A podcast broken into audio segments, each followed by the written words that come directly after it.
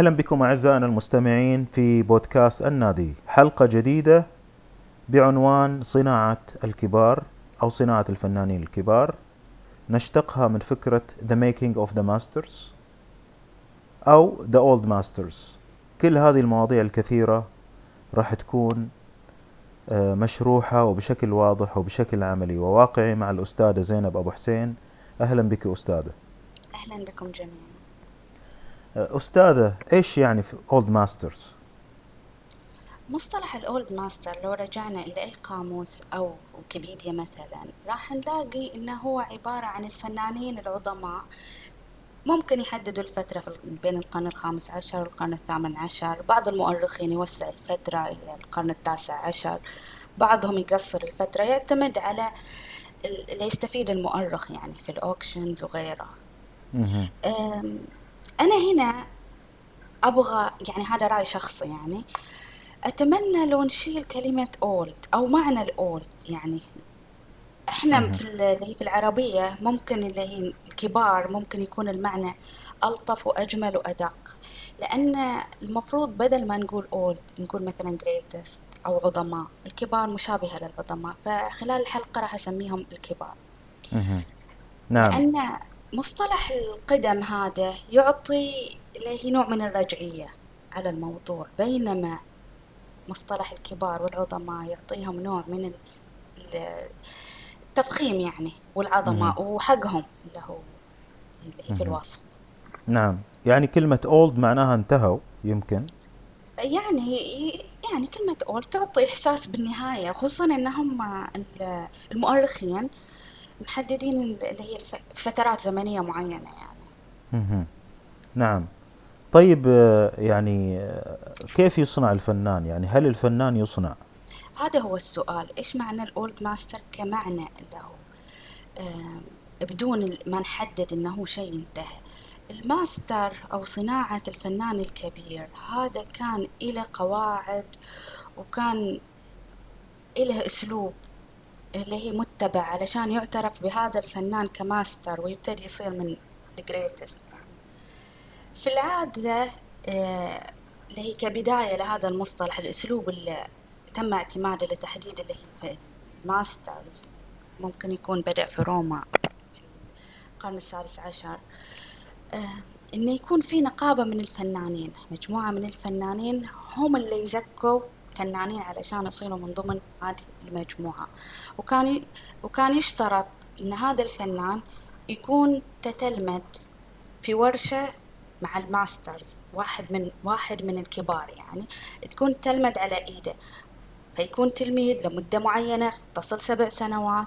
بعدها يوصل إلى مرحلة إنه بإمكانه يشارك في الأعمال ويكون اللي هو عامل باليومية كانوا يسموه journeyman عامل باليومية هذا العامل اللي هو وصل إلى حرفية كاملة إنه ينتج أعمال لكن لسه ما تم تزكيته علشان يكون ماستر ويقدر هو يوظف.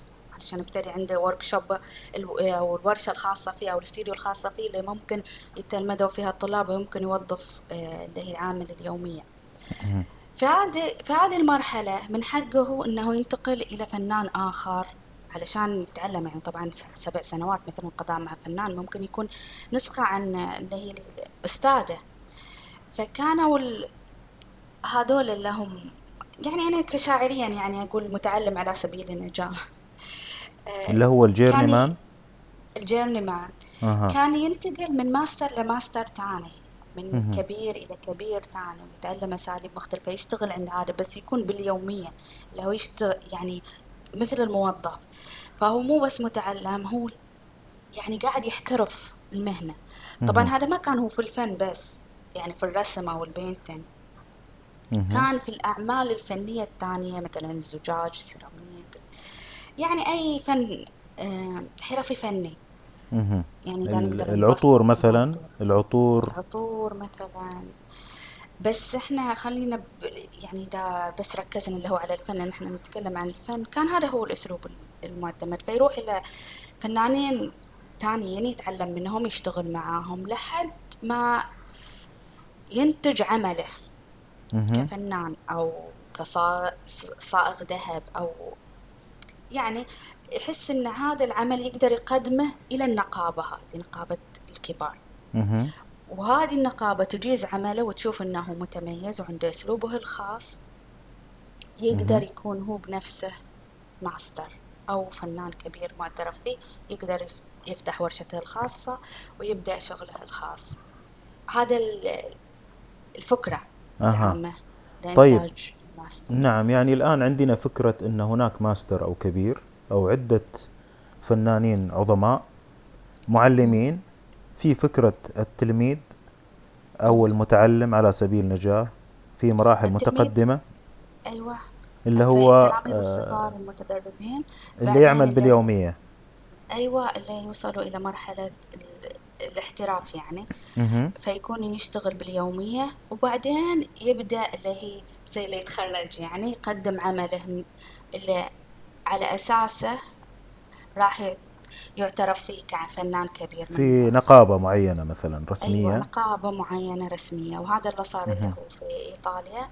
إن حددوا هذه النقابة اللي تعطي الشرعية إن هذا الشخص يقدر يبتدي. يعني واحد من من علية القوم فنان مثل الفنانين الآخرين اللي سبقوه في الوقت. نعم. أيوة هذه كانت الفكرة الأساسية وإلى الأكاديمية هذه اللي في روما إلى الآن موجودة الأكاديمية لسه. مهم. طيب خلينا نتوقف عن فكرة آه، أن ما يفرق الفن عن النجار عن العطار عن صائغ الذهب. يعني ألا ألا يوجد فرق بين الفنان والحرفي؟ وفي فرق بين الفنان والحرفي. العامل اليومية هو وصل لدرجة أنه حرفي متمكن لكن أنه يكون ماستر هو لما يكون في مستوى الكبار أو العمالقة. على العموم نرجع اللي هي على فكرة الصنعة أو الحر الحرفة يعني. الفن في الفن يعني في تاريخه اللي نما فيه في أوروبا يعني. الفن عبارة عن تراث أوروبي يعني. ما الفن اللي نتكلم عن اللوحات المسندية يعني أو الآرت ال- البينتينج يعني. إحنا ما نقدر نفصل عن عن أوروبا عن المكان اللي ازدهر فيه ونما هو تراث أوروبي هو صنعة. صنعة. إحنا نتكلم عن صنعة لها أساليبها وأساسياتها وتنتقل من من صاحب الصنعة إلى تلاميذه إلى وبعدين يحترفوا الصنعة ويبتدوا يتلمذوا اللي هي نفس أسلوب أي صنعة. غير ال- ليش هو يعامل باليومية؟ لأن في ناس تطلب هذه الصنعة. يعني. الفنان كان في أوروبا يعني أما يرسم إلى أصحاب الجاه والثروة أو إلى ال- الكنايس أو رجال الدين يعني. فطول عمره كان الفن اللي هي صنعة. وصنعة تنتقل إلى من صانع إلى صانع ثاني. آه، الفرق بين الحرف يعني إذا أخذنا الفن يعني فنون مثل ال- النحت العمارة ال- يعني أي فن آه، زج اللي هي صنع الزجاج العطور الفن الفرق بينه وبين اللي هي الفن آه، ال- اللي هي درجة الوصول للفن الاعتراف من ضمن الفنانين اختراع الأسلوب الخاص المتميز حتى في ال- اللي هي صاغة الذهب. كانوا يحتاجوا يوصلوا إلى الأسلوب المميز يعني علشان يكون ماستر. بس في الفن كانت فيه لازم يتعلم مو بس من الماستر اللي درس عنده ولا انتقل عنده الماستر يتعلم من ال- ال old masters العظماء اللي قبل. يعني لكده نشوف تأت تأ- يعني مثلا إحنا كارافاجيو بعضهم يسميه مايكل أنجلو. ليش؟ لأنه متأثر جدا. بمايكل أنجلو. نعم. معظم الفنانين يبنوا خبرات من الفنانين السابقين من ناس محاولة تقليد أعمالهم وإضافة أسلوبهم الجديد. مهم. هل آه، لابد من آه، تواصل مباشر مع الماستر أو الكبير هذا أو العظيم؟ ولا آه، في في عدة مراحل أو عدة مستويات من التعلم؟ يعني الآن هذا الموديل أو النموذج ال- ال- اللي تفضلتي وشرحتيه موضوع ان في ماستر آه، فيه آه، تتلمذ آه، أو تمهن يعني يمكن apprenticeship آه، في نقابة اللي هي ال guild في ال journeyman اللي هو زي ما أنت قلتي بأسلوب شاعري متعلم على سبيل النجاح أو العامل باليومية وفي قبول النقابة أو التخرج أو أو أنه يصبح واحد من مجتمع الفنانين. آه، والآن نشوف آه، ملاحظتك أو تنبيهك إلى كارافاجيو على أنه متأثر بمايكل أنجلو. هل التأثر يجب أن يكون مباشر من ضمن هذا النموذج أو في عدة نماذج؟ أسلوب التعلم داخل الورشة هذه في أساليب كثيرة للتعلم. آه، أنت سؤالك هو هل لازم يلتقي بالفنان عشان يتعلم منه. مثلا لا، ما نعم. هو أساسا عشان يتعلم الأساسيات. أساسيات أساسيات الفن كله بداية الرسم. عشان مهم. يتعلم الأساسيات لازم يتعلم أساسيات الحرفة نفسها. إنه كيف يعرف يرسم. مهم. أسلوب الرسم الصح الأدوات يتمكن من الأدوات. بعدين اللي هي صنع الأسلوب اللي هي مرحلة المتعلم على سبيل النجاح أو اللي هو الجيرني مان هي. المرحلة اللي يصنع فيها أسلوبه فيكون يتأثر بالفنانين سواء كانوا معاصرين له أو فنانين اللي هي آه، أقدم منه. على العموم في الورشة نفسها الأسلوب لأن في طرق للتعلم إحنا قاعدين نتكلم بشكل عام بس أساسا كل ورشة وكل فنان كل ماستر له أسلوبه الخاص في تعليم طلابه. إحنا نقدر نصيغها في ثلاثة أنواع مثلا. نقدر آه، نصيغها بس ممكن إن هذه ثلاثة أنواع عشان أساسا تتمازج على حسب احتياجات لو ال- المتعلم. لازم وهذه تعتبر الأساسيات في الرسم اللي بعدين أنت لازم تتعلم الرسم عشان علشان تنتقل إلى صنع اللوحة والبينتينج مهم. اللي اللوحة المسندية ما تقدر على طول تخطف فهذه الأساسيات لازم يتعلمها قبل لا يبتدي يتأثر ويط... هو أكيد الفنان هذا الماستر كان عنده منهجه الخاص كل المدرسين عندهم منهجهم الخاص ممكن تكون الأعمال اللي قاعدين يجربوه ينسخوها أو يقلدوها أعمال من الأعمال الفنانين السابقين اللي هو أساسا الماستر متأثر فيهم. لكده نرجع إلى فترة الرحلة البحث عن الأسلوب. هذه هي الفترة اللي يتباعد فيها عن مدرسه الأول علشان يشوف تجارب تانية وعلشان يطلع على أشياء تانية ويصنع أسلوبه الخاص ما هو. الماستر لازم يكون صنع أسلوبه الخاص المختلف. اللي يميزه هو علشان يكون يقدر يف... ليش بيفتح ورشة؟ علشان ينسخ بس شغل مدرسة يعني. طيب الآن إحنا عندنا موضوعين. عندنا صناعة الماستر اللي هو موضوع الحلقة وفي عندنا آه، فكرة الصنعة. ممكن نركز شوية تشرحي إيش فكرتك عن فكرة الصنعة اللي جاء عليها طاري الحرفي والفنان والتمييز بين الحرفي والفنان؟ الصنعة يعني هذه آه، آه، يعني آه، نتكلم عنها بصيغ- بصيغة العصر الحاضر يعني والتعليم الحاضر. كيف نقارن بين هذا النموذج فكرة الصنعة والنماذج المعاصرة في التعليم أو اكتساب ال- الصنعة؟ إذا رجعنا إلى قبل اللي هي العهد أو العصر الصناعي معظم الحرف كانت اللي هي تنتقل من المدرس أو صاحب الصنعة إلى طلاب اللي هي اللي يبغوا يتعلموا الصنعة مهم. إحنا نتكلم عن أي صنعة خلينا نقول النجارة مثلا لازم ال- اللي يبغى يصير نجار يروح يتدرب عند نجار اللي يبغى يصير فنان تش... فنان تشكيلي يروح يتدرب عند فنان وطباخ وخياط وإلى آخره والطباخ والخياط إلى آخره مهم. إلى آخره مهم. أم، في الفن ما كان نفس الطريقة يعني كان نفس الطريقة يعني هذه صناعة الماسترز كان نفس الط- اللي هي الطريقة إنه يروحوا الطلاب الصغار يدرسوا عن في الورشة مع هذا الفنان الكبير. إحنا إذا رجعنا إلى فكرة الحرفة جميع اللي هي الحرف سواء حرف يدوية مثل النجار الحداد كان ال- الطالب أو الطفل اللي راح يكون نجار أو حداد ياخذوا. أهله يعطوه هذا ال- اللي هي الماستر في الحرفة هذه. علشان حتى يعيش عنده.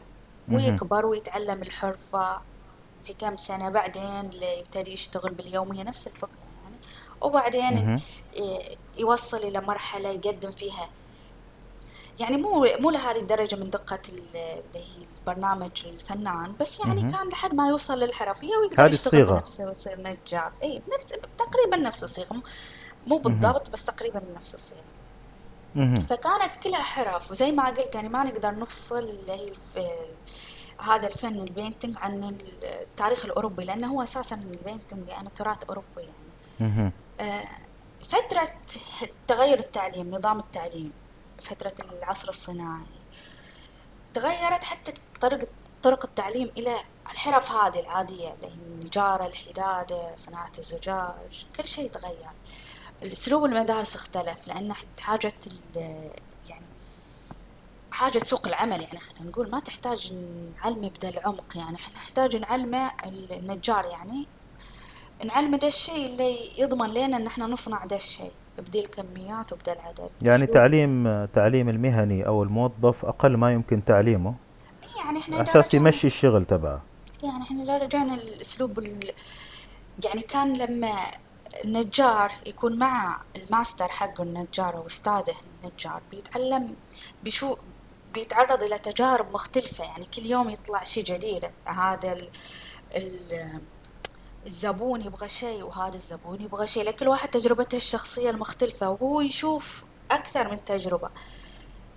لكن لما يكون صف صف مثلا الأسلوب اللي هي اللي وصلنا أو اللي وصلنا إليه في المدارس لما يكون صف أو هو التعليم العام أو one one size fits all أو أيوة، المقاس أيوة الواحد للجميع الكل يلبس نفس أيوة. المقاس. أيوه. أيوه فيكون خبراته أقل لأن أساسا كل العدد هذا الطلاب مع مدرس واحد يعطيهم افتراضي تقريبا يعني آه حالات. هذه نحتاج عشان نصنع السرير بالطريقة مثلا أنا قاعدة أمثل يعني وهذا كله يعني نهاية رأي يعني. نعم. و... واللي أشوفه. نفس الشيء صار مع الفن. يمكن لو رجعنا إلى أكاديمية فرنسا للفنون يعني إحنا عام يعني في القرن السابع عشر إن نشأت الأكاديمية الملكية للفنون. بقصد إن هذيل اللي هي النقابات الفنانين تتوحد ضمن معايير وحدة موحدة. وهذه اللي أنشأت أكاديمية الفنون آه، اللي هي الملكية في فرنسا ومنها طلعت مدرسة الفنون الجميلة في فرنسا علشان يحدد المقاييس والمعايير. ومنها طلع الصالون الفرنسي اللي, اللي آه، يقبل الأعمال الفنانين ويعطيهم اللي هي المنح علشان يدرسوا في إيطاليا. آه، علشان اللي هي نحدد المعايير المعايير للماستر نفسه والفنان نفسه اللي يقدر الملك أو آه، أو الثري المعين ياخذ ويشتري منه. طيب هل هل كلمة الأكاديمية الفرنسية لها علاقة بالأكاديميات المعاصرة؟ لا لا كان شيء مختلف. يعني الأكاديمية الفرنسية هي فكرة اللي هي توحيد فقط المعايير. توحيد المعايير بعدين اللي هي مدرسة الفنون الجميلة صار لها أسلوبها. مه. مه. يعني القصد أن مثلا الصنعة أصبح لها مبادئ وأصبح لها مهارات وإمكانيات يتعلمها. في روما. مجموعة مه. أيوة في روما اللي هي طلعت فكرة النقابة هذه في القرن السابع اللي هي في القرن السادس عشر. في القرن السابع عشر اللي تقريبا نقول ألف 1577 قررت أن النقابة تكون بهذه المعايير. بعدين اللي هي في فرنسا لما صار في يعني قرروا اللي هو مهتمين بالفن. انه يوحدوا المعايير للنقابات ومنها طلعت الأكاديمية هذه الرويال أكاديمي. الملكية. إي ال Royal Academy أو الاكاديميه الملكيه للفنون في فرنسا في 1608 وأربعين اللي هي في الفترة اللي طلعت فيها المدرسة الفنون الجميلة في فرنسا عشان نوحد المعايير. ظلت تدرس بنفس الأساليب بس اللي هي مصطلح الأكاديمية. بس هذا شيء مختلف عن الأسلوب الأكاديمي الحالي للدراسة يعني واضحة الفكرة أن على الأسلوب القديم هذا فكرة صناعة الماسترز. بفكرة النقابة المبادئ المعتمدة على الأساليب القديمة إلى العصر الحاضر من إمكانيات وتكنيك وفكرة آه، الأفكار الفنية جميعا يعني المبادئ مثلا التي تتعلق بالرسم بال painting آه، يمكن حتى آه، التصميم والتكنيك وكل الأمور هذه ولا لا؟ أيوة يعني إحنا إذا رجعنا إلى إيش يتعلم طالب العلم أو طالب يعني طالب في الورشة. لازم يتعلم الأساسيات نرجع إيش الأساسيات؟ علشان أنت تكون فنان أو ماستر نرجع إلى البدايات اللي هي الرسم كيفية الرسم. في أكثر. من أسلوب. لازم. يتعلم اللي هي ال design اللي حاليا يسموه التكوين أو ال composition. بس هو كان تصميم اللوحة تص- فن صناعة اللوحة وتصميمها.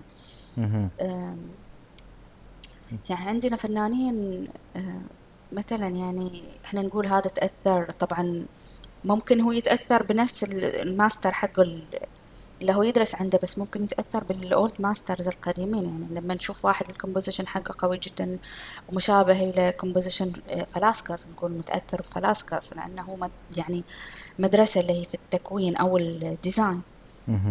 فالفنان لازم يتعلم هذه الأساسيات صنع صنع ال- اللي هي ديزاين أو تصميم اللوحة أو التكوين حاليا يسموه. آه،.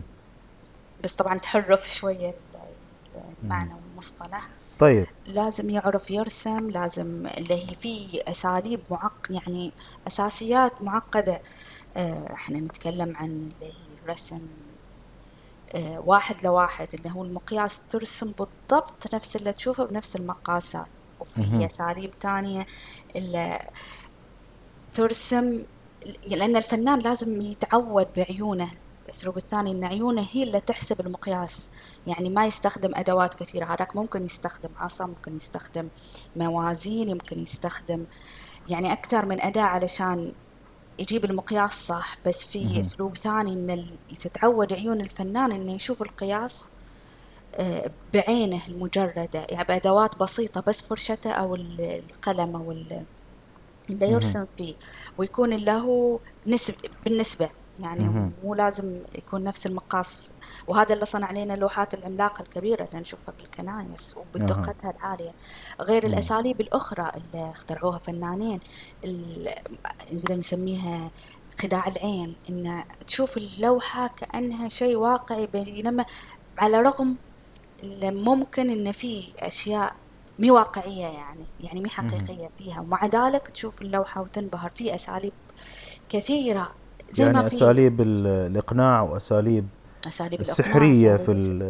في تقديم هي العمل هي نعم مي سحرية هي مدهشة نقول. سحرية يعني. هي طرق وطبعا على مر السنوات هذه. تقاليد اللي هي في داخل الورش كيف من كيف نبدأ ال- مهم. أول درس وبعدين المرحلة هذه ننتقل لهذه المرحلة وكذا كل ماستر يجي يضيف. يعني يضيف أسلوبه يعني طرق التعلم تط- تطورت تطورت تطورت المشكلة هي نرجع إلى العصر الصناعي اللي. صارت اللي هي إحنا ليش تكلمنا عن ال Royal Academy في فرنسا لأن هنا بدأوا يطلعوا فنانين آه، فنانين عظام جدا بس ابتدأ اللي هي تغيرت الأساليب. في فنانين قدروا يحصلوا أساليب أسرع للفن. الإنتاج العمل ال- الفني. بدوا ح- اللي هي تكون في rules للتصاميم دخلت العمارة شوية أفكار العمارة في في صناعة التصاميم. لأن أساسا هذه الرويال أكاديمي أو ال- الأكاديمية الملكية آه، فيها قسمين اللي هي الفن وال- والعمارة. أها. آه، كبداية. فدخلت الأساليب آه، تبسيط بس آه، لسه الأعمال قوية بس مختلفة عن بعد الرويال أكاديمي. طريقة اللي هي إنتاج الأعمال اختلفت لأن ابتدت تصير فيها ابتدت تغير الأساليب اللي كانوا يستخدموها في الورش علشان التعليم وصارت اللي هي الأكاديمية اللي هي باسم اللي هي مدرسة الفنون الجميلة. الفصول أها. أوسع ال- آه، شوية أرقى من إنه موضوع حرفة وورشة يشتغلوا فيها الفنانين. لا نلقى الحين صارت اللي هي أكاديمية فنون. أها. يعني يعني تعليم عالي وراقي نعم. وصالون فني وتنافس ومسابقات وهل يقدر اللي هي يجتاز الفنان المسابقة علشان يعطوه البعثة إلى روما؟ منافسة يعني شديدة. أي أي أكيد. وجوائز وبعثات و... جوائز لأن فيها يعني إحنا نتكلم إنهم راحوا يرسموا إلى الطبقة يعني الطبقة العليا في النخبة فرنسا. إي نخبة راح نخبة يقدم مجتمع الفني.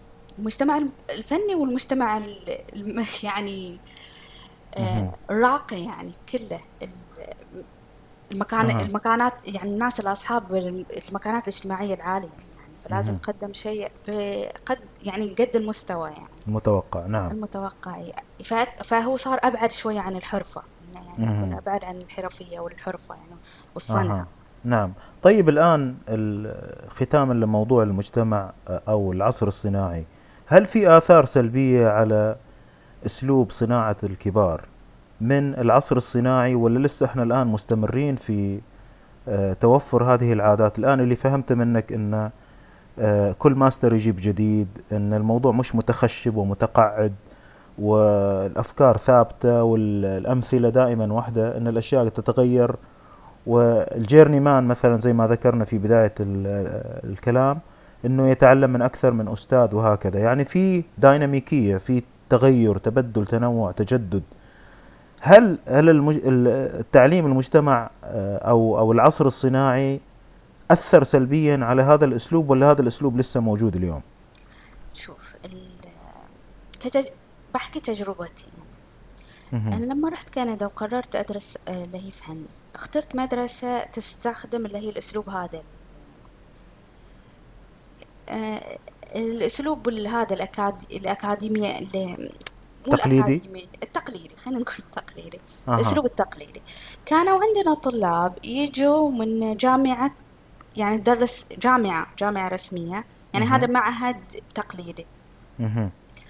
وكانوا يجونا طلاب من جامعة آه، رسمية تعليم مهم. الفن في نفس. المنطقة حديثة ما هي جامعة الأسلوب. الحديث في الأسلوب التعلم. الحديث الجامعة تخرجوا من ثانوي وراحوا الجامعة يدرسوا ولا هي فن في الجامعة وآرت في الجامعة أها إلا الجامعة فيها أقسام تانية يعني غير الآرت وكذا الطلاب بعضهم أساسا متخرج من الجامعة ممكن قضى خمس سنوات اللي- الأكثر شيء متميز فيه هو تاريخ الفن أما كأسلوب كفن بعضهم رس... لسه في المراحل الأولى من تعلم الرسم بعضهم أساسا ما أخذ أساسيات الرسم.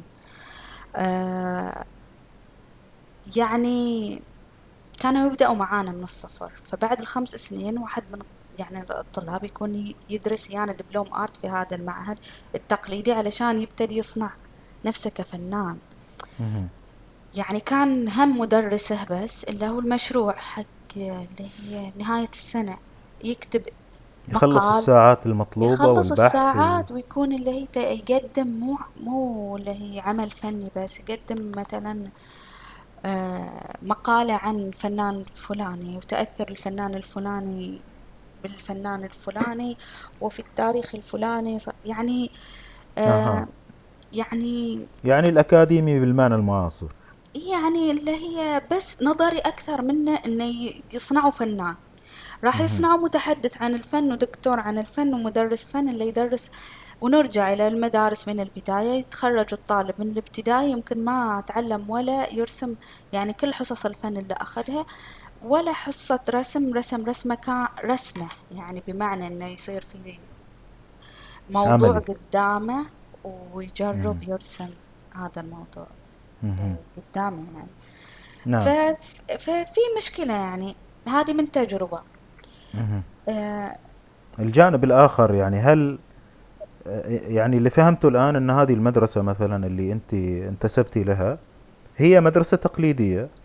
المدارس و- التقليدية بشكل عام يعني ال- البحث في وجود هذه المدارس الآن يعني واضح أنه موجود إلى الآن في آه، شتى بقاع العالم. الأسلوب آه، التقليدي making of the masters رغم أن إحنا في عصر مختلف الآن لسه لسه في يعني مهم.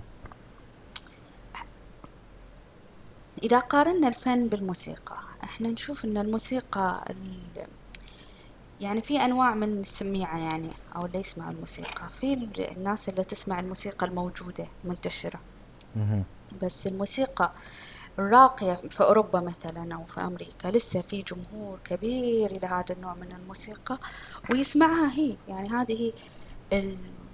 يعني ويدفع يدفع. تذاكر غالية علشان يحضر هي concert أو حفلة موسيقى موسيقى راقية يعني لما تروح تسمع لما تروح تحضر وتشوف هذا العدد الكبير تقول لسه هذا الشيء مطلوب. الفن الفن اللي هي فن ال old masters أو الفن الكبار العظيم الفن العظيم. العظيم. لسه موجود ولسه إله طلابه ومريديه ولسه إله حتى سوقه الخاص يعني ال- الناس اللي تشتري هذا الفن وتدعمه. صحيح بشكل مختلف. يعني إحنا ندري إن في اللي هي ال- المزادات الفنية ال auctions زي هذه اللي تصير للفن. ونشوف إن في لوحات تباع بالملايين للفنانين معاصرين أو ال modern art اللي يسموه طبعا هذا نعم. ال modern art من يعني يعني صار عمره أكثر من مئة سنة ولسه يسموه modern art يعني. ولأنه صعب عليهم يضيفوه إلى ال old masters يعني صعب يضاف إلى ال old master أساسا ال impressionist فنانين ال impressionist صعب إضافتهم الانطباعيين. الانطباعيين صعب إضافتهم إلى ال old master لكده إحنا ن... المؤرخين يوقفوا إلى القرن الثامن عشر أو تا- التاسع عشر. تاسع عشر نعم. آه لا بعضهم إلى القرن التاسع عشر إيه ما يقدر يدخل القرن العشرين. بعضهم. في يعني في في اختلافات ثامن عشر تاسع عشر القرن العشرين ما يدخل صعب لأن ال impressionist ما صار فيهم أي يعني ما انتموا إلى إلى ثقافة الاولد ماستر ماسترز حتى الإمبريشنست ما دخلوا. ثقافة ال old masters أم، آه، طيب إذا إذا ال impressionist أو الانطباعيين بهذا المستوى ولم يدخلوا نادي ال old masters ماذا نقول عن الناس اللي جو بعدين وأبدعوا وخرقوا؟ والله أنا كان يعني كنت مشترطة إن ما أتكلم في ذا الموضوع. إحنا راح نتكلم عن صناعة ال masters بس إحنا ج... أبغى أتكلم عن موضوع تاني. ما بتكلم عن الفن الحديث ولا اللي يسموه اللي هي المعاصر. ما راح أها. أتكلم عنه. طيب ما, ما, ما في عنه. بس بتكلم عن شيء ثاني موجود حاليا. اللي هو ال hyper realistic بتكلم هذا ممكن أتكلم عنه. طيب. لأن في انطباع عند العامة إن ال hyper realistic هو الامتداد إلى ال- الفن العظماء. هنا أنا عندي ملاحظة وهذا رأيي وممكن يوافقوني وياه ناس كثير بس مو يعني ويمكن لا. طيب.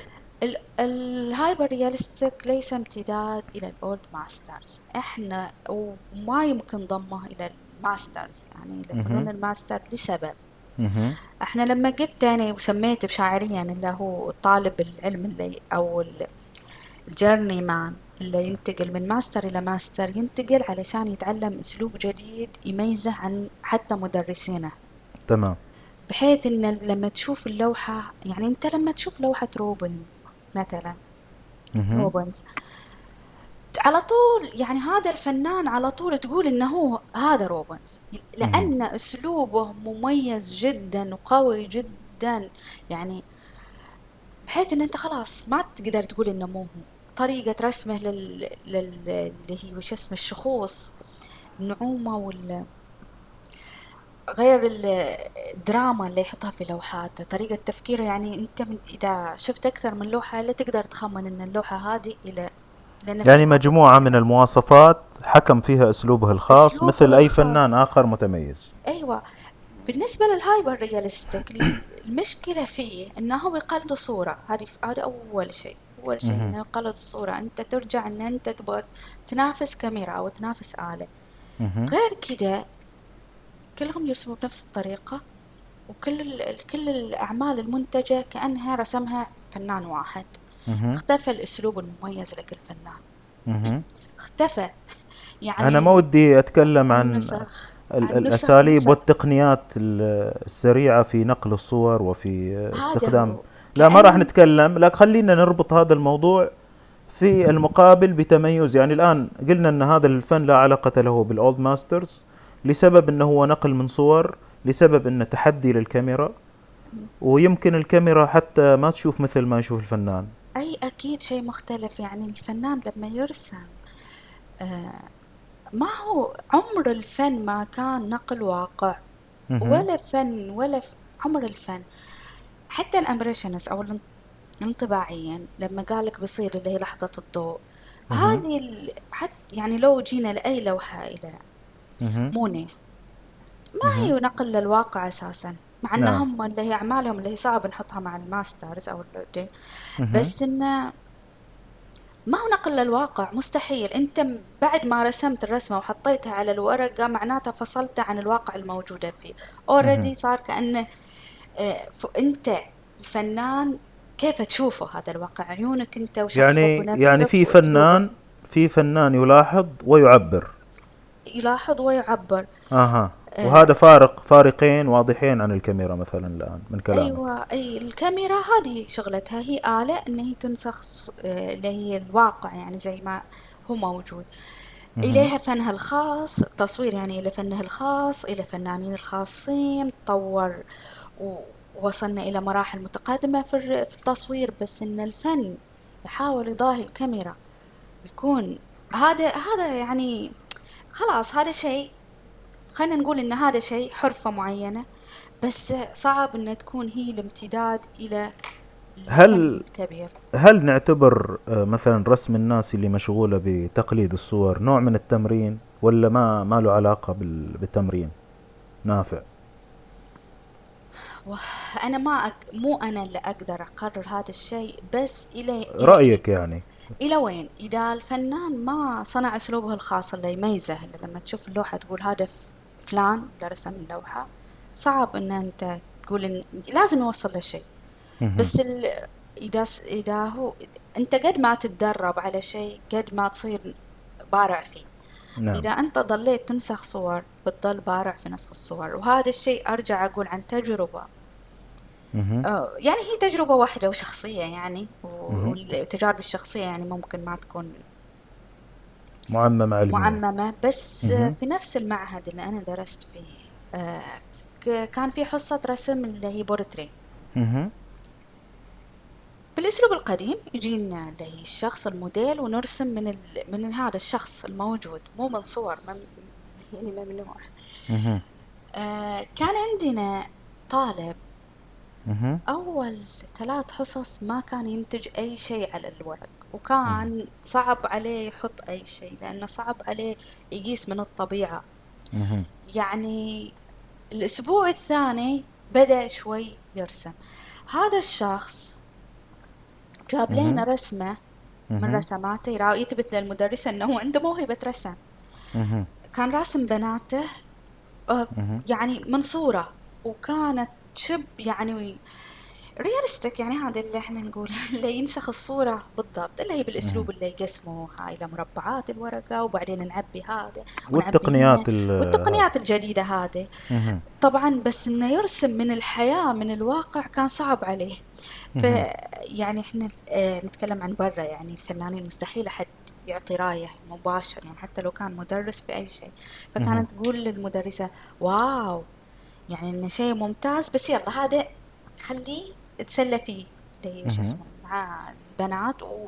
ولا تتركه بس لازم تتعلم وتجاهد. يعني لحد ما تعرف تقيس من الطبيعة وتنقله إلى الورق. طيب هذا يطرح سؤالين الآن. ال- ال- الرسم ال- الدقيق مثل الصورة خلي الصورة تصور ونقدر نلعب في الفوتوشوب والبرامج الحلوة هذه نسوي. وهذاك أسلوب آخر أسلوب الفنانين. السؤال الثاني هو آه، هل الكل يقدر يتعلم ويصير ماستر ب- بأسلوب النموذج اللي آه، تكلمنا فيه في هذه الحلقة الموضوع الرئيسي؟ ولا لا أنت موهوب أنت لا مش موهوب؟ إيش الموضوع هذا؟ أنت إيش رأيك في الموضوع؟ أسلوب اللي هي الموهبة والمهارة. هل في فرق بين الموهبة وبين الف... المهارة؟ نرجع إلى أو نروح إلى موضوع تاني يعني. يعني بس مجرد مرور على هذه النقطة لأن في ناس تقول والله أنت موهوب تفضل ادخل مع الكبار. أنت لا واضح أنك مستحيل تصير ما راح تعرف ترسم طول عمرك ما يحتاج تدخل هو ده. السؤال يرجع بعد على أي فن؟ يعني هل أي واحد يتعلم كمان بيكون له ماستر في الكمان مثلا. هل أي واحد يتعلم عود بيكون اللي هي آه، زرياب يعني في العود؟ آه. هذا هو السؤال هو قد أنت ما تعطي جهد بتحصل نتيجة بس آه كل شخص مختلف الفنانين ديل ال old masters هذا اللي وصلوا لنا لأن أعمالهم يعني هي اللي وصلتهم. موضوع الموهبة والمهارة هل في موهبة أو هل في بس هي مهارة مكتسبة أنت مهم. تقدر تتعلم أي مهارة بس إن أنت توصل لل mas- إن تكون ماستر هذا اللي نرجع إلى أسلوب اللي هي صناعة الماستر. إن أنت وصلت لدرجة تنافس فيها الكبار تقدر تكون مثلهم. لك أسلوبك الخاص يعني العظماء.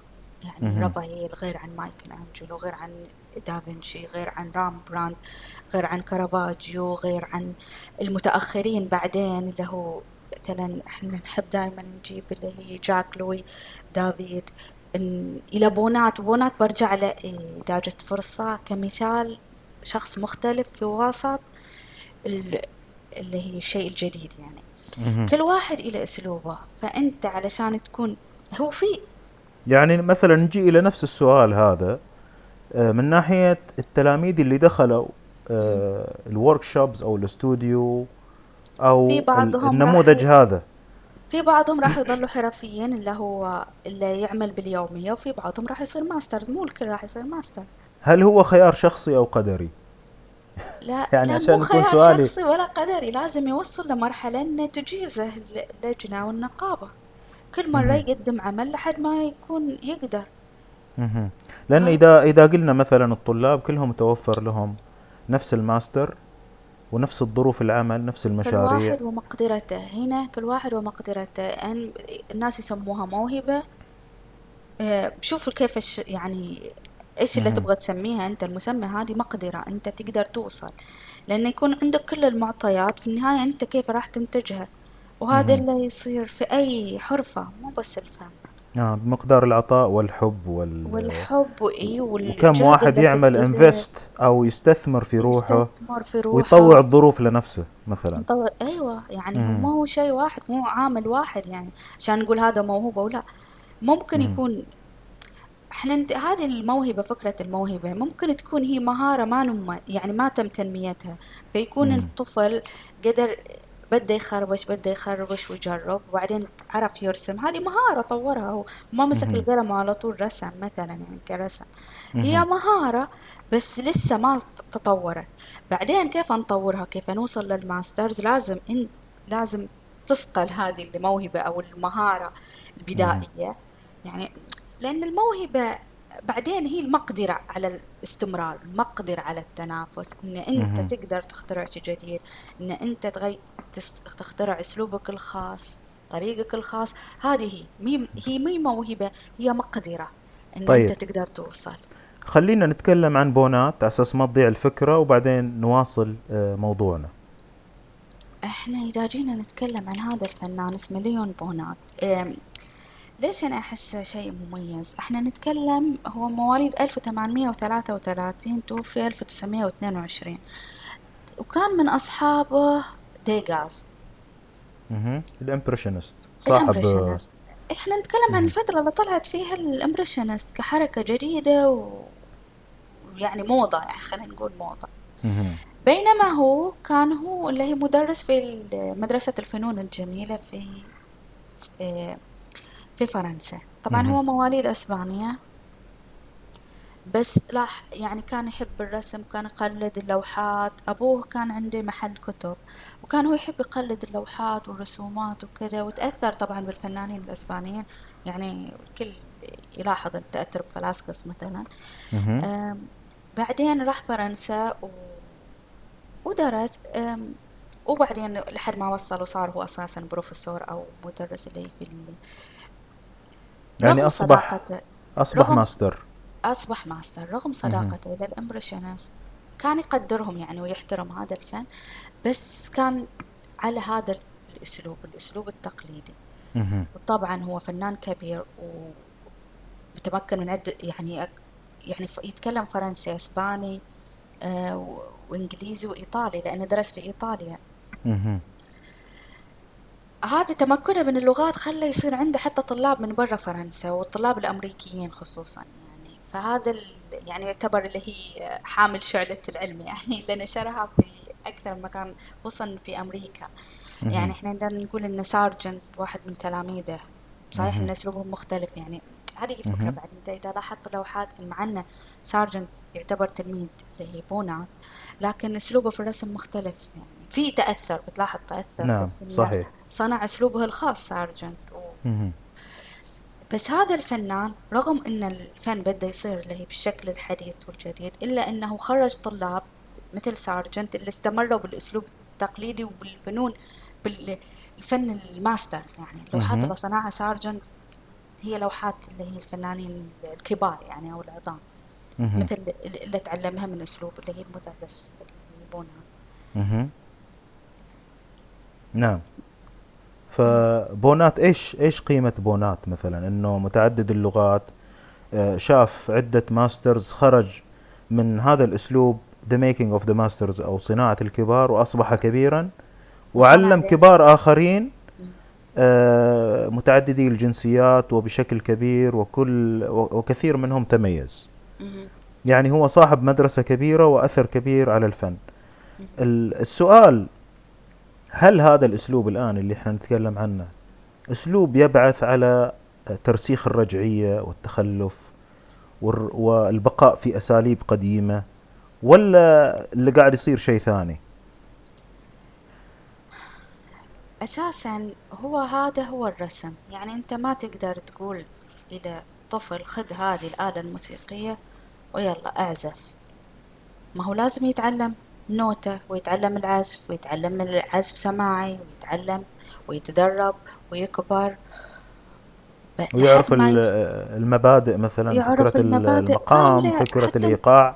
يعني أبسط شيء كيف يمسك القوس مثلا إذا كان بيعزف كمان يعني نرجع للكمان يعني. كيف يمسك العود كيف يحط إيده على البيانو كيف يعزف يتعلم المقامات يتعلم السكيلز إيش فكرة القطعة؟ إيش فكرة آه، تدرج الأفكار ما هذه الأساسيات الطبيب يعني مستحيل يطلع طبيب إذا ما درس أساسيات الطب يعني. أها. الفن نفس الشيء. إحنا ما نتكلم عن شيء جامع إحنا نتكلم عن شيء أنت علشان تصير فنان لازم تعرف ترسم. أها. يعني إن أنت تتعلم الرسم مو جمود. أها. الهروب من هذه اللي هي التعلم بال- بالتغطية وتقنيعه إن هذا أسلوب وهذا اللي حداثة وهذا كذا لا أنت إبداع. تهرب. ابداع إبداع نعم. يعني. أنت خلق. تهرب خلق. أنت مهم. تهرب لا. الأساسيات هي الأساسيات. مهم. الاساسيات هي الأساسيات. ما يعني ما هي شيء ما له علاقة بالرجعية. أنت العمل اللي يعني تنتجه بعدين أها. إيش موضوعه فكرته أسلوبه هذا يعتمد عليك. أنت أنت تبغى ترسم الموضوع قديم بيكون موضوع قديم. بترسم مهم. موضوع حديث بيكون موضوع حديث. ما له علاقة بالرجعية ابدا. هي عبارة أنت مستحيل يعني تجيب واحد وتقول له يلا عالج المريض الفلاني. يعني ما أحب الأمثلة مهم. والمقارنات بس فعليا يعني للتقريب. مستحيل نعم. للتقريب بس أنت مستحيل ت... يعني تكتب قصيدة إذا أنت أساسا ما تعرف الحروف. أها. طيب الآن يعني الآن المعنى المعنى اللي فهمته منك إن ال- الأعمال الفنية آه، هي عبارة عن مجموعة تقاليد قديمة في تعريف ما هو الرسم وتعريف ما هو البينتينج والمجتمع ومين يشتري وإيش التوقعات. اللي هو جاي من زمن طويل جدا ويمكن هذا الفن أكثر تراكم أوروبية. إي أوروبي. تراكم خبرات تراكم خبرات. إذا رجعنا نقارن الطب الطب ما طلع ال- العلم فجأة. عبارة. عن تراكم خبرات وتطور وتجارب وغاء يغلط و... يغلط و... ويصحح غلط لحد ما وصلنا إلى هذا اللي هي ال- ال- حاليا يعني التطور اللي وصلنا إليه في الطب. أنت ما. تقدر تجي تقول والله أنا قررت أصير طبيب حديث و... وبعالج إبداعي والأفكار كلها جديدة حقي. إي والأفكار كلها جديدة. لا أنت لازم تتعلم من كل شيء. يعني ما بتتعلم الأساليب القديمة بس بت... بتاخذ النتيجة اللي هي النتيجة النهائية لكل التراكمات يعني هي عبارة عن حكمة حكمة سابقة حكمة سابقة شعلة وحكمة تنتقل حية المفروض اي. المفروض أما إن. إحنا تهربا لأنها صعبة يعني هو شيء مو سهل يعني. عمره ما كان تعلم أي آلة موسيقية يجي في يوم وليلة عبارة عن تراكم سنوات من. التدريب والفهم وال نعم والفهم وجهد مهم. أنت علشان تتعلم الرسم محتاج سنوات. ما. هو اللي هي تجيب صورة وتقسمها مربعات وترسمها لا هذه ممكن تسويها في الدورات حاليا نقول في. دورة في إيش الفرق بين بين الدورات وهذا الأسلوب؟ أسلوب الماسترز الآن بين كلام بين سنوات ودورات. الآن آه، عندنا صيحة الدورات دورة في كل حاجة والواحد يطلع وعنده شهادة وخلصنا. عنده شهادة خبراء. وخلصنا. إيش الفرق بين الدورة وبين الأسلوب هذا؟ يعني أنت ما تقدر تعطي دورة في الطب أرجع أقارن. ما تقدر نعم. تعطي دورة في الطب وتمارس الطب. أنت يعني لازم ولا تقدر تعطي. إذا أنت تبغى تتعلم الأصول تدرسها حسب الأصول. مهم. صحيح هو الموضوع صعب. لا يبين صعب بس هو مو صعب. هو عبارة عن استمرار بس. يعني أنت تصنع لنفسك هدف وتستمر عليه. هو تتدرب عليه. بدونه ما راح تصنع شيء. الدورة هي عبارة عن تلقين في فترة معينة مع المدرس راح تنتج اللي هي شو اسمه العمل الفلاني وراح تتعلم مثل هذا العمل. لكذا دائما الرسومات متشابهة. يعني يمكن مثلا أنا أقبل الدورات ال- ال- القريبة من قناعتي الشخصية ما أعرف آه، إيش رأيك أنت؟ مثلا الدورة اللي مثلا واحد يروح إلى دورة متقدمة متخصصة في مجال ضيق جدا مع أستاذ كبير. هذا لما أنت تصير اللي هي متعلمة على سبيل النجاح. إذا نعم. أخذت أساسيات الحرفة هذه هناك شيء مختلف. هذه لما تكون تنتقل من ماستر لماستر. وهذا. شيء ثاني أنا أتكلم عن دورة أساسيات الرسم مثلا. إيه هذا اللي هلكنا إن إحنا إيه. دائما دوراتنا أساسيات ويمكن أقل من الأساسيات لأن وأقل من الأساسيات نعم. لأن أساسا هل المدرس هذا اللي راح يعطيك دورة الأساسيات هل هو عنده الأساسيات؟ لو بس هو تعلم نفس الشيء اللي راح يعلمك إياه. آه، نعم. هذا يعني هذا هو السؤال. أما الدورات المتقدمة هذه لا شيء مختلف. لما تكون أنت وصلت إلى مرحلة أن أنت الحين قاعد تصنع أسلوبك وصلت إلى مرحلة اللي راح تحت يعني وصلت إلى الاحتراف وبتتخرج وبتصير ماستر هذا شيء. مختلف تماما. هذا اللي كان يصير لما يروح آه، نرجع إلى الأسلوب اللي هي تعلم الماستر. مم. بالنسبة للفن الفن زي أي حرفة يعني أنت ما تقدر تكون صاغ ذهب بالأسلوب القديم يعني. مهم. إذا ما جربت تصنع الذهب من الأساسيات وعرفت كيف كل يعني تعرف أساسيات. أسس عشان الصنعة وتفهمها ثم تفهمها تتميز وتختلف. تصنع تصنع أسلوبك. أما فكرة الجمود هذه هذا اختراع جديد حديث. طبعا السياسة مهم. دخلت واجد اللي هي أثرت على الفنون بشكل عام. متى تغير؟ وطلع أصلا مصطلح الأولد ماستر وسموه ونهوه اللي هي في القرن التاسع عشر لأن الظروف تغيرت. ظروف اللي هي المجتمع الصناعي الظروف السياسية. أنت ما تقدر تفصل الفن عن الحياة. مهم. طول عمره كان الفن بموازاة العلم. يعني لما. يتطور صناعة الألوان يتطور معاها. الفن يعني لما تغير أسلوب صناعة الألوان الزيتية تغير أسلوب الفنانين معاه يعني هذا علم قاعد يتطور معاه يتطور الفن. الأدب الشعر كلهم يمشوا مع بعض مستحيل تفصل شيء عن بعضه. فالحياة. السياسية تأثر اللي هي في الفن. الحياة السياسية والت- وال- والتقنية والاجتماعية والتقنية والثقافة. والعلم والثقافة وكل ده وأسلوب التعليم. يعني. ما كانوا كل الأطفال يروحوا كلهم نفس المدرسة يمكن عشان الأساسيات بس بس بعدين كل واحد الحرفة اللي, مهم. بتصير هي حرفة عمرة يعني وحياته نعم نعم. ممتاز. طيب آه الآن هذا إذا كانت هذه آه صناعة الكبار إحنا قاعدين نتكلم عن تراث أوروبي رغم انتشار الآن في أوطاننا العربية. نعم. يعني الآن عندنا فن اللوحة المسندية وصل العالم العربي.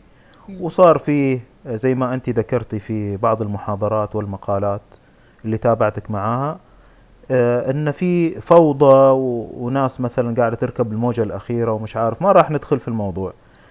خلينا نقول إيه. صناعة ال- ال- الكبار الآن هذه كيف تطبيقها في عالمنا العربي؟ هل يمكن تطبيقها ولا ما لها علاقة فينا ولا انتهت ولا إيش بالضبط بالنسبة للعرب؟ هو يعني راح أتكلم في الموضوع في نقطتين اللي هي إن الفن اللي هي أو الفن إحنا نتكلم عن اللوحات لأن ال- اللوحات المسندية. تحديدا آه راح نتكلم أبغى أتكلم عن اللوحات المسندية وأبغى أتكلم عن اللي هي فكرة الماسترز بالأسلوب هذا هل ممكن نجيبها هنا. أساسا هو الفن اللي هي اللوحة المسندية شيء حديث ما هي من ضمن ثقافة هي إنتاج ثقافة اللي هي فن أوروبي يعني. وصلنا في في مرحلة متأخرة يعتبر بعد ما ابتدى هو تطلع الحركات الفنية الحديثة. فكان الفنان بين ح... بين ح... يعني رغبتين إنه يكون ماستر أو فنان عظيم يعني هذه لل- البدا... البدايات يعني وبين إنه يدخل في اللي هي السوق موجود اللي هو الفن الحديث لأنه كان هذا المطلوب. يمكن بعدين نتطرق اللي هي على المزادات الفنية واللي قاعد يصير اللي هي في حركة البيع في الفن لأنه مستحيل إذا ما كان في دعم إلى مادي يعني إنه يصير يبقى يعني. يستمر نعم. أو يستمر. آه نرجع إلى أسلوب التعلم. إحنا لو قارنا أسلوب التعلم القديم في عالمنا ال- ال- المعلم والمريد معلم وتلاميذه. يعني نتكلم عن الحرف العادية. اللي كانت موجودة عندنا الخط كمثال ال... يعني أي حرفة يعني موجودة النجارة نفس الشيء النجارة الموسيقيين. والنجار الموسيقيين الموسيقيين إيه قراء القرآن قراء المنشدين إلى القرآن آخره. المنشدين هذا كان الأسلوب يعني مشابه يعني. مشابه بشكل كبير. الفرق إن النقابة هذه لأن يعني التراث الأوروبي يعني آه، كيف نمى ورتب الموضوع إن في نقابة هي اللي تجيز الفنان وتعطيه؟ وبعدين قرروا لي في فرنسا إن يوحدوا الرولز حق حق. النقابات. يعني إحنا عندنا نقول ان إن الشيخ أو المعلم أجاز فلان. أيوة. بس بي يعني مش بمستوى نقابة يمكن حتى كان في بعض النقابات التي ذكرت في الكتب زي نقابات الموسيقيين أو نقابات المهن بس يمكن في فرق في المستوى مهم. ولا هذا قصدك قصدي إحنا بين الشيخ أوروبا يجيز وعندنا مهم. أي الشيخ يجيز اللي هي تلميذه يعني تتلمذ. على يد فلان ويجيزه فلان هم الفرق إنه كانت خلاص آه يعني علشان يجيزه الشيخ يعني لازم النقابة اللي تجيزه أو اللجنة كاملة تجيزه اللي هي تعطيه آه أو تعترف فيه كماستر أها. آه يعني على في كده في مبادئ في مكتوبة مبادئ ومعايير مكتوبة لا محددة. لا ننزل عنها مثل. مهم. م- مهم. معايير محددة يعني علشان يبقى بنفس المستوى يعني. بس هي الفكرة مي يعني مي غريبة. يعني يمكن الاستفادة منها في عالمنا العربي إيش كيف تشوفي التصور هذا؟ نرجع إلى أنه أساسا ما هو اللي هي اللوحة المسندية أو الفن هذا اللي أنا أتكلم عنه شيء. جديد وصل في فترة موجودة فيها ال- الكاميرا. آلة التصوير ابتدى الفن الحديث في أوروبا سمينا اللي هي هذا هو الفن القديم والعظيم وفصلناه عن الفن الحديث إلى الفن المعاصر وجاء الفنان العربي يصنع نفسه يعني في هذه الفترة فهو أساسا يعني وصلنا الفن في فترة مأزق يعني. الأشياء أيوة متأخرة جدا التقنية تغيرت. مجتمعاتنا حديثة عهد بالفن. بهذا النوع من الفن مهم. فنوننا شيء مختلف يعني هذا اللي أقصده أنا أيوة هذا الفن بالتحديد نعم أيوة هذا الفن فعلا أي. نعم هل ممكن تطبيقه هو أساسا هو موجود المدارس برا إحنا. استنسخنا المد... يعني هذه ال- المدارس التقليدية والأساليب هذه التقليدية لسه موجودة صحيح إحنا ما نسمع عنها ولا بكمية ال... الانتشار حتى. برا يعني بكمية الانتشار ال- على المدارس هذه اللي تعطي دورات ويصير فنان حديث وكذا بس هي موجودة. هل. نقدر نجيبها هنا وتكبر؟ ممكن إذا آمنا بالفكرة وإذا إحنا نبغى نصنعها. وهذا ما في خطر على تميزنا كفنان عربي أو فنان حسب المنطقة اللي هو الدولة اللي هو منها وثقافتها إنه يظهر بأسلوبه من الأرض اللي هو فيها بس تعلم المهارات بهذا الأسلوب اللي أثبت عبر قرون إنه ناجح ويطلع ماسترز. هل ممكن إنه يكون هذا الفن فن عربي؟ يعني يمكن إن إحنا نعربه. آه، الموسيقى مث- نرجع للموسيقى. نفس الآلة يعني إذا أخذنا آلة موسيقية تقدر تعزف اللي هي مقطوعات غربية وتقدر تعزف مقطوعات شرقية. هو كيف الفنان يستخدمها. وإحنا لأي حد نقدر نحدد هذا فن عربي؟ هل لأنه يحاكي واقعنا العربي؟ هل لأنه يشبهنا؟ هل لأن ألوانه قريبة منا؟ آه لو قارنا بين فن المستشرقين اللي جو عالمنا العربي ورسموا العالم العربي في لوحاتهم. يعني كذا مرة استوقف يعني أوقف قدام أعمالهم مباشرة يعني في المتاحف. ويجي السؤال لو كنت أنا عندي نفس الأدوات لهذا الفنان. ونفس وأبغى المشهد. أرسم نفس المشهد نفس المشهد. مهم. هل برسمه بهذه الطريقة؟ لا. آه هذا جوابي أنا يعني شخصي طيب. لا راح يكون مختلف. أنا أشوف السجادة بشكل مختلف تماما عن اللي يشوفه. صحيح. آه خصوصا والعادة المستشرقين هذول اللي تقصديهم هم ناس خريجي النموذج اللي إحنا نتكلم عنه في حلقة اليوم من بودكاست أيوة. النادي اللي هو صناعة الماسترز. أيوة هؤلاء دخلوا النماذج هذه وتخرج ورسم اللوحة هذه في الشرق. في الشرق. طريقة إحساسه بالشمس أو بالضوء مختلفة؟ فإنتاجه مختلف لأنه متعود على يشوف الألوان ورسم مع أوروبيين في أوروبا. والألوان في أوروبا لما يجوا هنا ويصير آه، لوحاته تكون لوحاته الاستشراقية مختلفة عن لوحاته اللي يرسمها عن بلده مختلفة تماما. إيش السبب؟ يعني مثلا أنت كفنانة آه، إيش ممكن تشوفي فرق بينك وبين هذا الرسام المستشرق؟ هل هي الألوان؟ هل هي الأشكال؟ إيش بالضبط؟ لو رسمنا نفس الموضوع. لو رسمنا نفس الموضوع مثلا لو رسمنا المصلي وهو يصلي مثلا. يعني أنا أعرف بالضبط كيفية الصلاة كيفية السجود ووضع الإيد في السجود وكذا. مو بس عن ملاحظة عن أنا أساسا يعني آه هذه حياتي هذه حياتي. أنت كفنانة الآن كيف سترسمين نفس المشهد لو كنت في مكان المستشرق مثلا اللي زار الشرق؟ إيش الفروقات اللي بينك وبينه؟ هل أنت تشوفي الأشياء بطريقة أخرى؟ هل هي ظروف البيئة؟ تحكم تغير الأشياء اللي راح نستخدمها على اللوحة المسندية. أنت لما تجي من نفس البيئة طريقة نظرتك إلى الشيء مختلفة.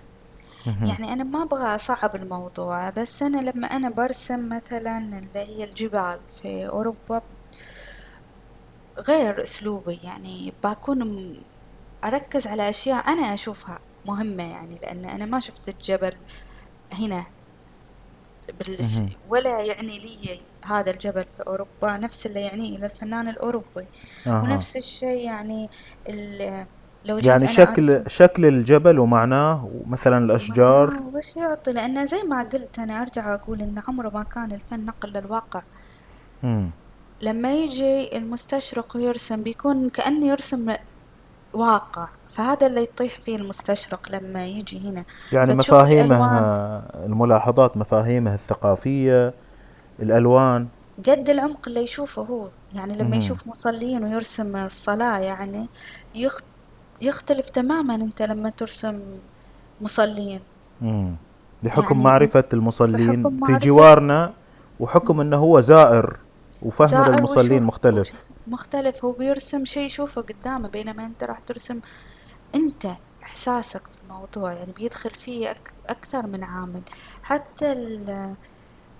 فهمك إلى الموضوع راح يغير يعني لما مم. أنت تكون آه، الفنان اللي رسم البحر وهو دخل البحر وعاش تجربة البحر غير عن الفنان اللي بيرسم البحر وعمره ما دخل مم. البحر وجربه يعني نعم فهذا فهذا اللي يخلي اللوحات الاستشراقية على طول نقول إن هذا مستشرق وفيهم تشابه شوية من بعض لأن هذا كان أسلوب كلهم اللي هم رسموا بنفس هذا الأسلوب آه، في فترة معينة. نعم. فمتشابه يعني حتى رسومات سارجنت مع بونات للعرب. متشابهين. ما إحنا نعم. نتكلم عن التميز بينما هم اللوحات حقهم لأن كأنها ملاحظة من السطح. آه. ملاحظة من السطح فيصيروا متشابهين مع يعني غير المعايشة. يعني مثلا هل ظروف البيئة من حرارة ونور وألوان أيضا تؤثر في الفنان يعني خبرته يتأثر بالخبرة في المعايشة أكيد حتى في ال- أتوقع حتى في الموسيقى يعني هذا الشيء يعني. أنت لما تكون متعود على ال- الموسيقى الأوروبية وإنه. يعني صعب في البداية يمكن ما تستسيغ لما تسمع النغمات لحن الشرقية مثلا و... شرقية شرقية وتمازجها و... أصيلة. مم. أصيلة وتخت عادي صغير و...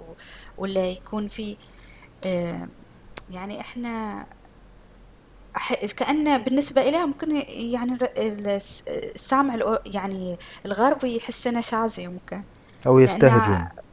إي يعني ليش؟ هذا كل واحد يعزف شيء مختلف ما في. أما مهم. يعني نعم يعني هذا التخت العربي إحنا نعرفه واي مم. فبينما انت المت... يعني انت هذا هو حياتك وعايش فيه يختلف نعم. طيب ختاما للحلقة الآن آه، بماذا نخرج من آه، خبرة صناعة الكبار؟ آه، إحنا الآن نتكلم في اهتمام الفنانين المعاصرين العرب. يعني هل هل ماذا نستفيد من هذا النموذج؟ هل هو واعد؟ آه، هل يجب أن يهتم الفنان العربي بهذا النوع من النموذج؟ هل يضيف إليه شيء من الجدية والتميز مثلا؟ إحنا نرجع إلى الموضوع مو... ترى الأزمة الفن. كفنون يعني. موسيقى فن. ما هي مقتصرة علينا العالم العربي مهم. بشكل عام لأن ال- أنا كنا بنتكلم عن الأوكشنز واللي قاعد يصير اللي هي من التجارة الغريبة في الفن الأسعار الخيالية مو منطقية ال ال هذه المهرجانات الصغيرة اللي يقول لك هذا اللي هي يعني مدينة معينة آرت يعني ويجوا فيها فنانين من كل العالم علشان يبيعوا ويصير مكان صغير بس إلى إلى اللوحات.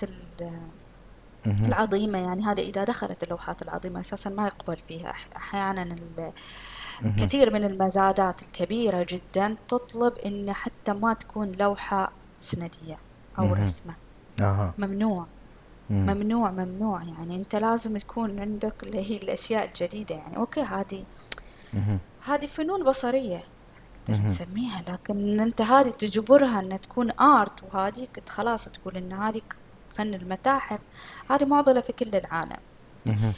وفي نفس الوقت عطت الفنانين فرصة إنه يتخطى اللي هي التأسيس. هل هذا الشيء واعد أو لا؟ هذا هو الأساس.